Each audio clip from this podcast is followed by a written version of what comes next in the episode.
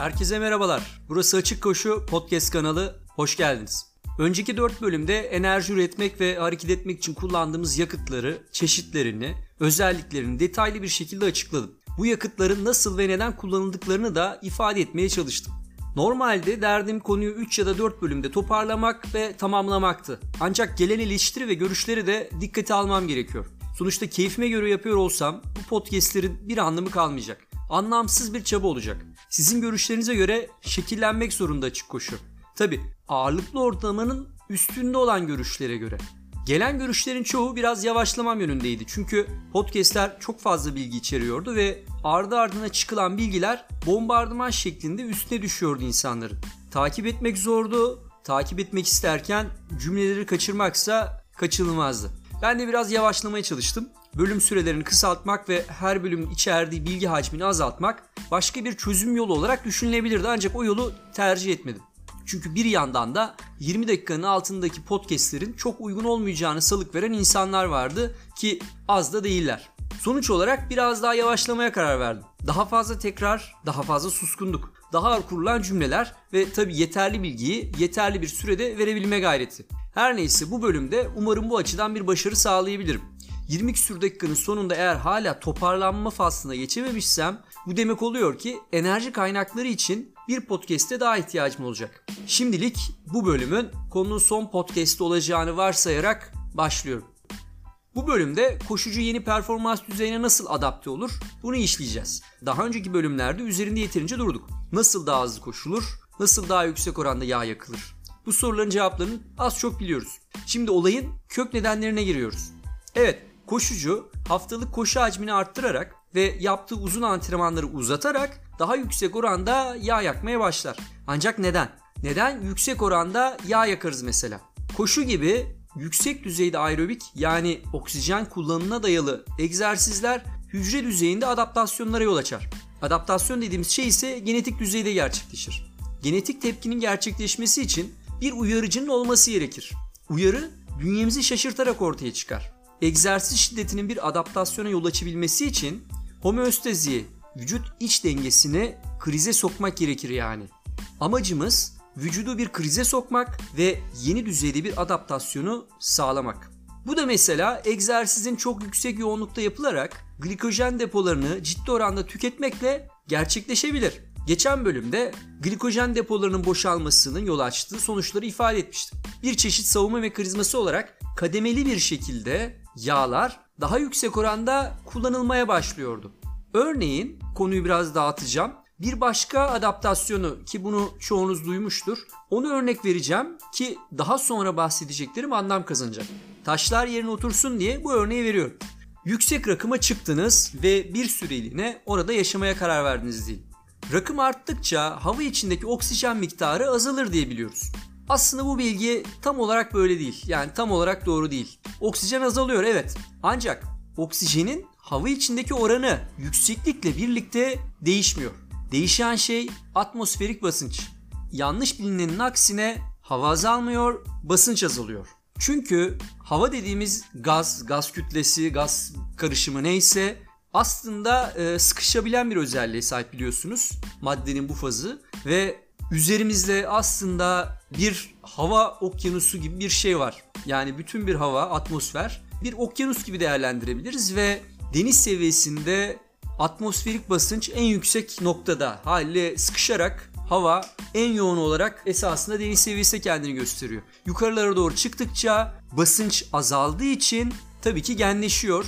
Haliyle havada seyreliyor. Her neyse. Atmosferik basıncın azalması solunan oksijenin basıncının ve akciğerdeki gaz transferini sürdürülmesi için gereken basıncın da azalmasına yol açıyor. Aslında alveollerde gerçekleşen işte gaz transferi, oksijen ve karbondioksit arasında gerçekleşen gaz transferinin de belirli bir basınç altında gerçekleşmesi gerekiyor ve eğer bu basınç azalırsa bu gaz transferi de verimli bir şekilde gerçekleşmiyor. Haliyle kullanılabilir oksijen miktarı azalıyor. Daha az oksijen solumaya başlıyoruz. Tıpkı şu günlerde yaşadığımız koronavirüsü dolayısıyla ortaya çıkan zatürenin nefes alışverişini kısıtlaması gibi. Biliyorsunuz koronavirüsünün yol açmış olduğu zatüre ile işte alveol keselerimiz ve akciğerlerimiz e, sıvıyla doluyor ve bu şekilde yani benim de tam açıklayamayacağım şekilde oksijen satürasyonu ve oksijen kullanım düzeyi azalıyor. Her neyse. Alveoller verimli şekilde çalışamıyorlar ve oksijen satürasyonu düşüyor irtifa ile birlikte. Deniz seviyesinde %20.9 olan havadaki oksijen oranı yükseklik arttıkça ki değişmiyor aslında %20.9 olarak devam ediyor ama efektif oksijen oranı kademe kademe düşüyor. Mesela 600 metre yükseklikte %19.4'e, 1500 metre yükseklikte %17.3'e düşüyor. Denizden 5500 metre yukarıda solunabilen oksijen miktarı yarı yarıya azalıyor deniz seviyesine göre. Everest zirvesinde ise deniz seviyesinin %30'u kadar oksijen solunabiliyor. Bu konuya yani irtifa adaptasyonuna başka bir bölümde detaylı bir şekilde değineceğim. Konumuz enerji yakıtları ve onların yol açtığı adaptasyonlar veya onların dolaylı yoldan etkileri. Şimdi bu örneği neden verdim? Çünkü oksijenin hava içerisindeki miktarı azaldıkça ve bizim soluyabildiğimiz oksijen miktarı azalınca vücut tabii ki ister istemez buna karşı bir reaksiyon gösteriyor ve bu reaksiyon belirli bir süre sonra bir çeşit adaptasyon olarak ortaya çıkıyor. Enerji kaynaklarında buna benzer adaptasyonlara yol açtığını birkaç örnekle ifade etmeye çalışacağım. Uzun süreli egzersizler de kısıtlı olan glikojen depolarını tüketeceği için vücut strese girecektir. İnsan bu durumdan farklı düzeyde bir denge oluşturarak çıkar. Glikojen depolarını arttırır ve egzersizde kullanılan glikojen miktarını değiştirir. Şimdi en başa dönelim. Mesela koşuya yeni başladınız. Koşu derken koşmaya, koşu sporuna yani. Öncelikle şunu bilmek gerekiyor. Enerji üretimi input ve output şeklinde ifade edilebilecek basitlikte değil. Yani giren ve çıkan ürünlerle sınırlı değil bu. Kısa ancak göreceli uzun bir proses ve bu süreci belirleyen çok sayıda faktör var. Enzimler de bu faktörlerin belirli bir kısmını oluşturuyor. Alışık olmadık egzersiz yüküyle uyarılan ve enerji üretiminde rol oynayan enzimler ilk etapta oldukça yüksek miktarda aktive olurlar. Egzersiz aynı şiddette tekrarlandıkça enzimlerin uyarı şiddeti azalır, aktivasyonu da düşer. Vücut artık ilgili egzersiz yüküne adaptasyon geliştirmiş durumdadır ve ileri gidebilmek için daha yüksek şiddette bir egzersiz gerekmektedir. Koşu adaptasyonu bu şekilde başlar. Daha uzun mesafe koşabilmek için her geçen gün koşu mesafemizi arttırmamız gerekir. Yanlış anlaşılmasın. Yani her gün her sonraki gibi tamlamalar bir ilerleyişi ifade ediyor. Yoksa hemen ertesi gün önceki günkü mesafeyi arttırmayın. Yani ilerleme kademe kademe oluyor. Şimdi örnek vermek gerekirse AMPK yani AMP aktive edici protein kinaz denilen bir e, enzim var, bir protein var. Kas hücresinde enerji regülatörü olarak görev yapıyor bu enzim. Enerji seviyesi az iken aktive oluyor ve serbest yağ asitleriyle glukozun hücreye alınarak yakıt olarak kullanılmasını sağlıyor.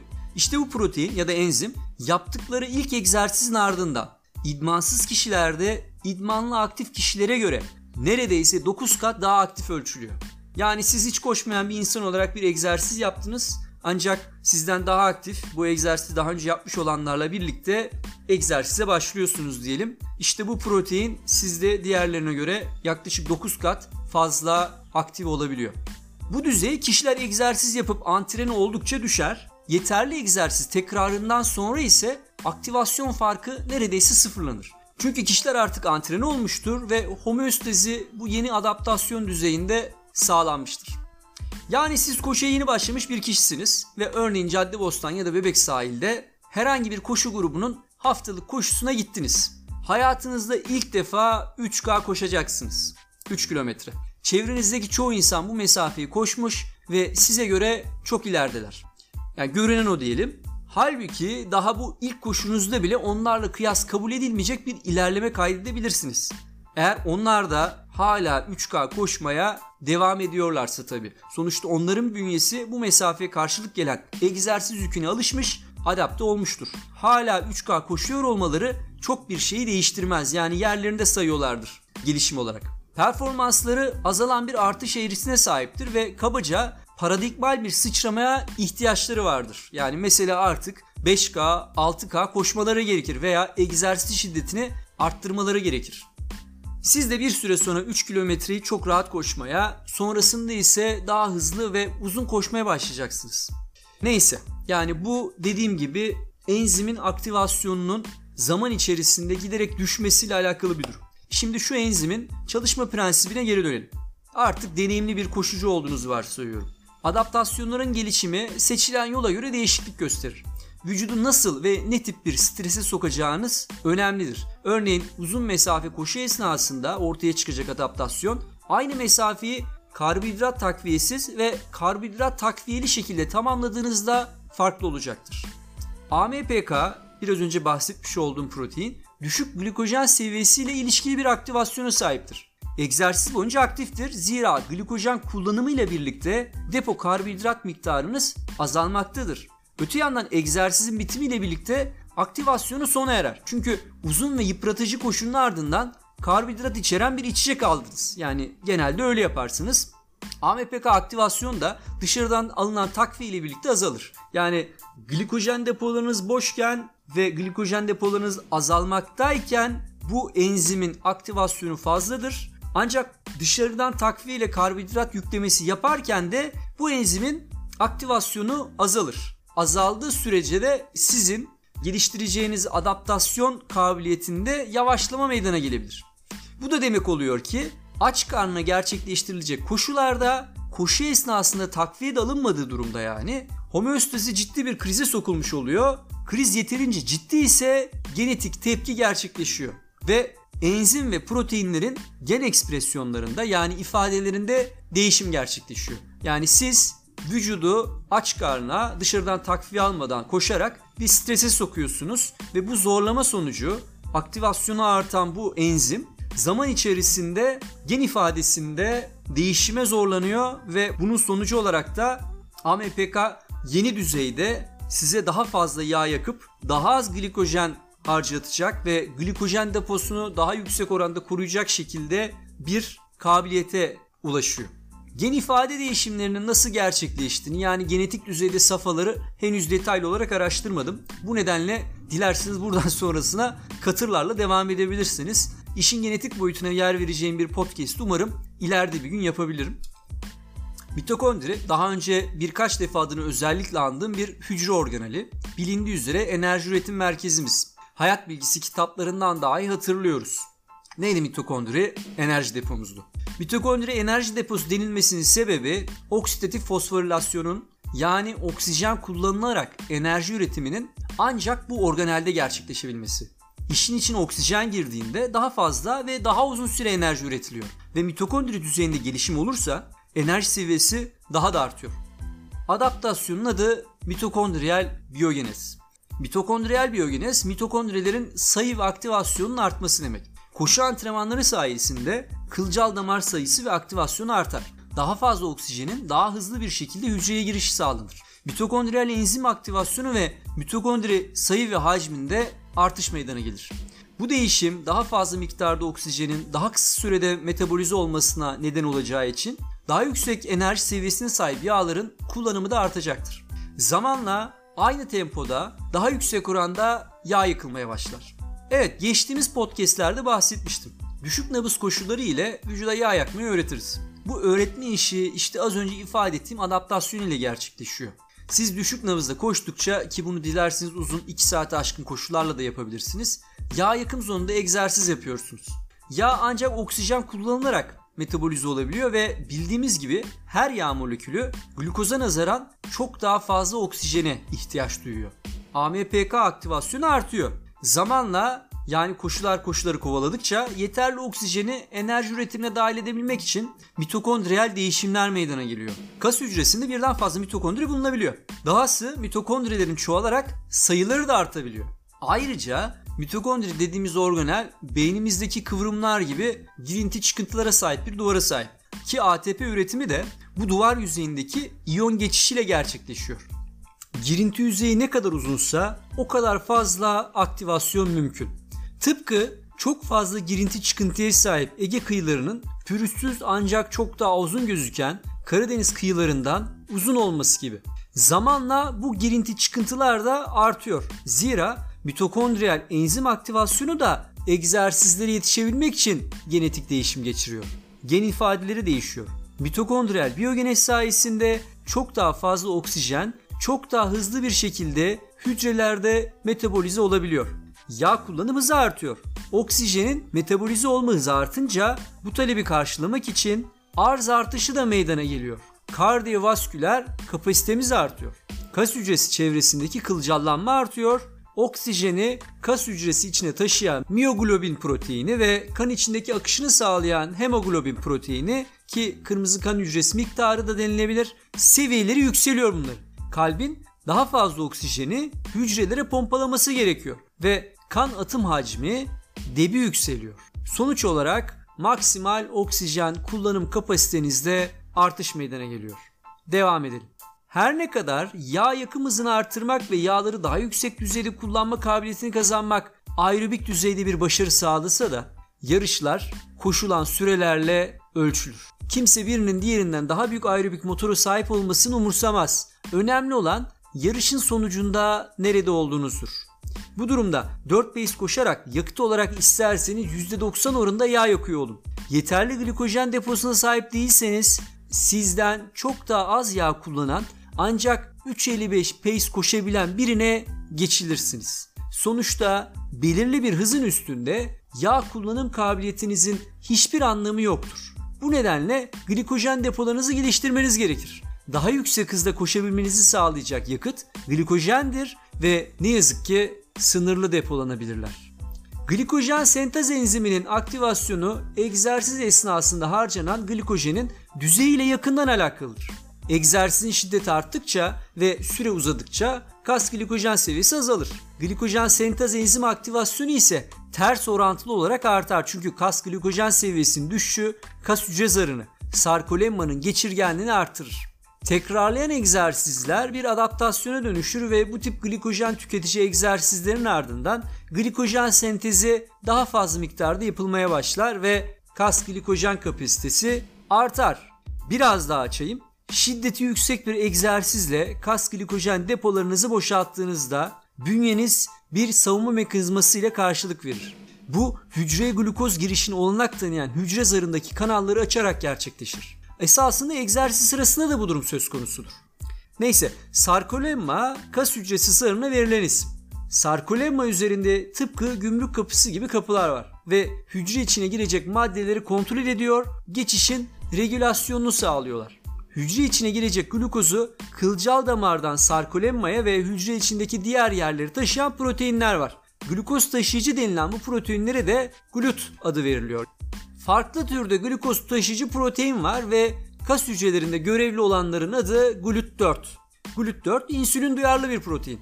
Ne demiştim? Bünye bir savunma mekanizması üretir ve hücre zarı geçişkenliğini artırır. Vize işlemleri hızlanır yani. Tehlikeli düzeyde boşalmış olan kas glikojen depolarının yenilenmesi içindir bu. Zira bünyemiz milyon yıldır alışık olduğu üzere piste koştuğunuz 10 çarpı 1000 metre intervalinden sonra eve geçip dinleneceğinize göre programlanmamıştır. Ona göre depolar öylesine boşalmıştır ki yakınlardaki bir kurt sürüsüne kaçabilmenizi sağlayacak enerjiyi çar çabuk geri kazanmanız gerekmektedir.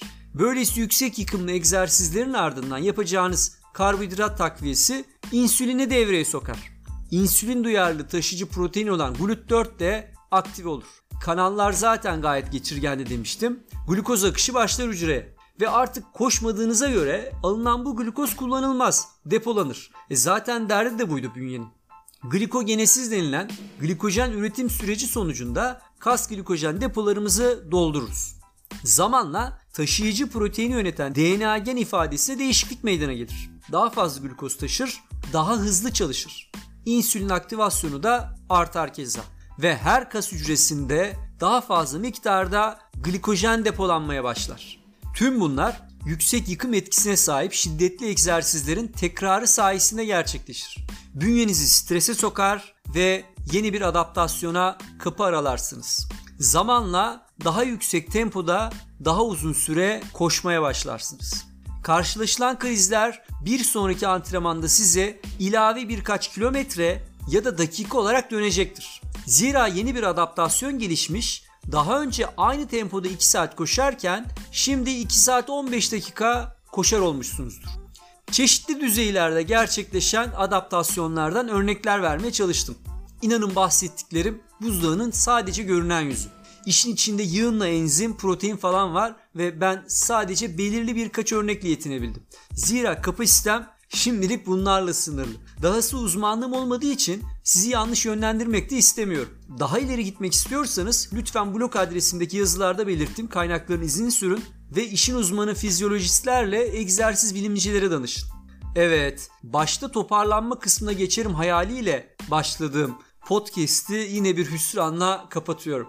Bana ayrılan sürenin sonuna geldik. Gerçi son dakikalarda ufaktan değindim. Glikojen depolarının yenilenmesi de toparlanmanın temeli nihayetinde. Ancak haftaya toparlanmaya detaylıca değineceğim zaten. Bu bölümde adaptasyonu ele aldık. Genetik düzeyde gerçekleşen değişimlerin koşucunun kapasitesini nasıl değiştirdiğini aktarmaya çalıştım. Tabi sadece kullanılan yakıtlar düzeyinde. Performans inşası bir bütün. Sadece aerobik kapasite gelişimiyle de başarılı olabilirsiniz. Ancak daha hızlı olabilmeniz ve bu hızı daha uzun süre koruyabilmeniz için glikojen depolarınızı boşaltmanız şart. Başarı asla kolay yoldan elde edilen bir şey değildir. Beylik bir sözle bitirelim madem. Öldürmeyen acı güçlendirir. Haftaya görüşmek üzere keyifli dinlemeler.